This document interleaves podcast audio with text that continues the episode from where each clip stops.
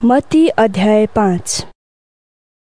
भिडलाई देखेर उहाँ डाँडामा उक्लनु भयो र उहाँ बस्नु भएपछि चेलाहरू उहाँ कहाँ आए। उहाँले मुख खोल्नुभयो र तिनीहरूलाई शिक्षा दिन लाग्नुभयो धन्य आत्मामा दिन हुनेहरू किनभने ईश्वरको राज्य तिनीहरूको हो। धन्य सो गर्नेहरू किनभने तिनीहरूले सान्त्वना पाउनेछन्। धन्य नम्रहरू किनभने तिनीहरूले पृथ्वीको अधिकार पाउनेछन्।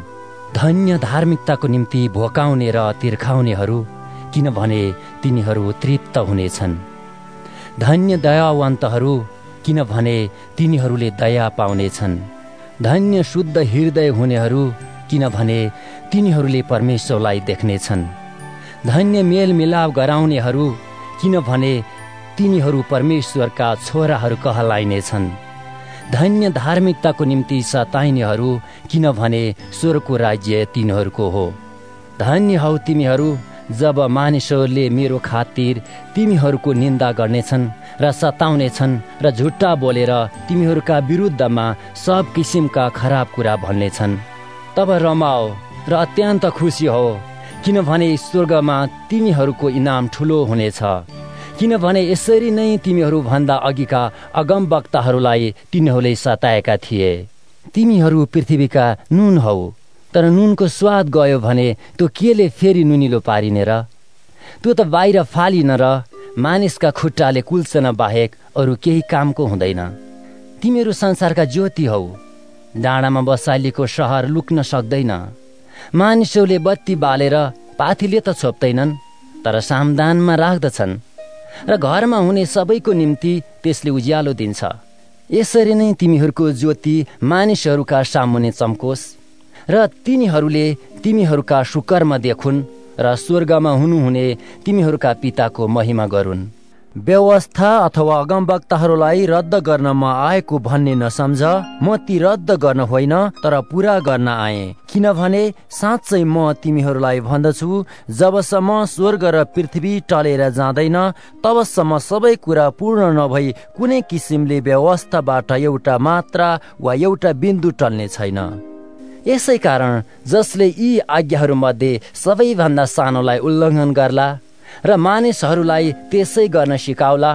स्वर्गको राज्यमा त्यो सबैभन्दा सानो कहलाइनेछ तर जसले ती आज्ञाहरू पालन गर्ला र सिकाउला स्वर्गको राज्यमा त्यो ठुलो कहलाइनेछ किनभने म तिमीहरूलाई भन्दछु तिमीहरूको धार्मिकता शास्त्री र फरेसीहरूको भन्दा बढी भएन भने तिमीहरू कुनै रीतिले स्वर्गको राज्यमा प्रवेश गर्ने छैनौ।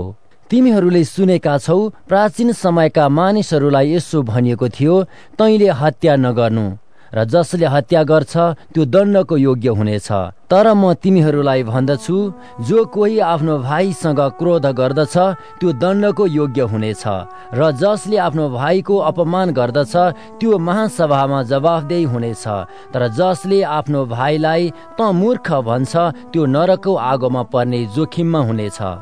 यसकारण तिमीले वेदीमा आफ्नो भेटी चढाउँदा तिम्रो भाइको हृदयमा तिम्रो विरुद्धमा केही छ भने तिमीलाई याद भयो भने तिम्रो भेटी त्यही वेदीको सामु छोड र जाऊ।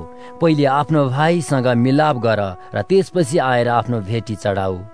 तिम्रो बादीसँग अदालतमा जाँदा बाटोमै मिलाप गरिहाल।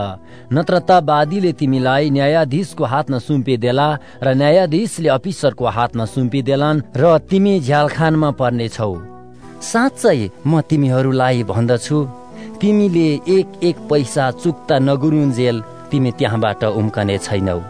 तिमीहरूले यसो भनेको सुनेका छौ तैँले बेविचार नगर। तर म तिमीहरूलाई भन्दछु जसले कोही स्त्रीलाई काम बासनाको इच्छाले हेर्दछ त्यसले अघिबाटै आफ्नो हृदयमा त्यससँग बेविचार गरिसकेको हुन्छ।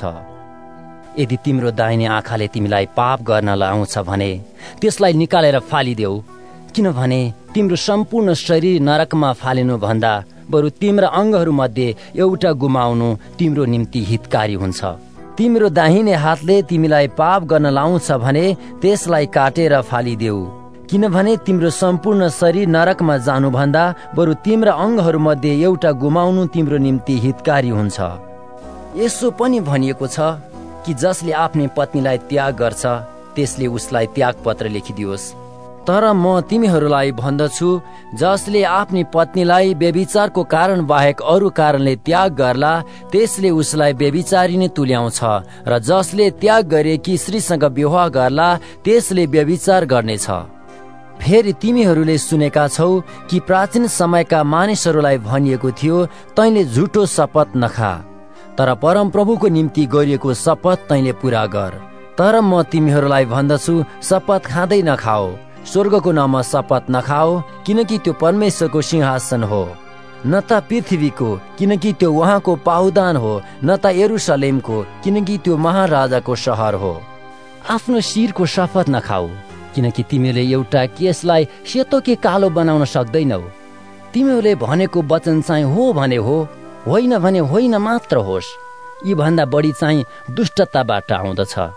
तिमीहरूले सुनेका छौ यसो भनिएको थियो आँखाको बदला आँखा र दाँतको बदला दाँत। तर म तिमीहरूलाई भन्दछु दुष्टको मुकाबिला नगर। जसले तिम्रो दाहिने गाला चड्काउला त्यसलाई अर्को गाला पनि थापिदेऊ। यदि कोही मानिसले मुद्दा चलाएर तिम्रो दौरा लिने दावी गर्छ भने त्यसलाई तिम्रो खास्टो पनि दिइहाल। यदि कसैले तिमीलाई एक किलोमिटर जान बाध्य गर्छ भने उसँग दुई किलोमिटर गइदेऊ। तिमीसँग माग्नेलाई देऊ र तिमीसँग कर्जा लिन चाहनेलाई इन्कार नगर।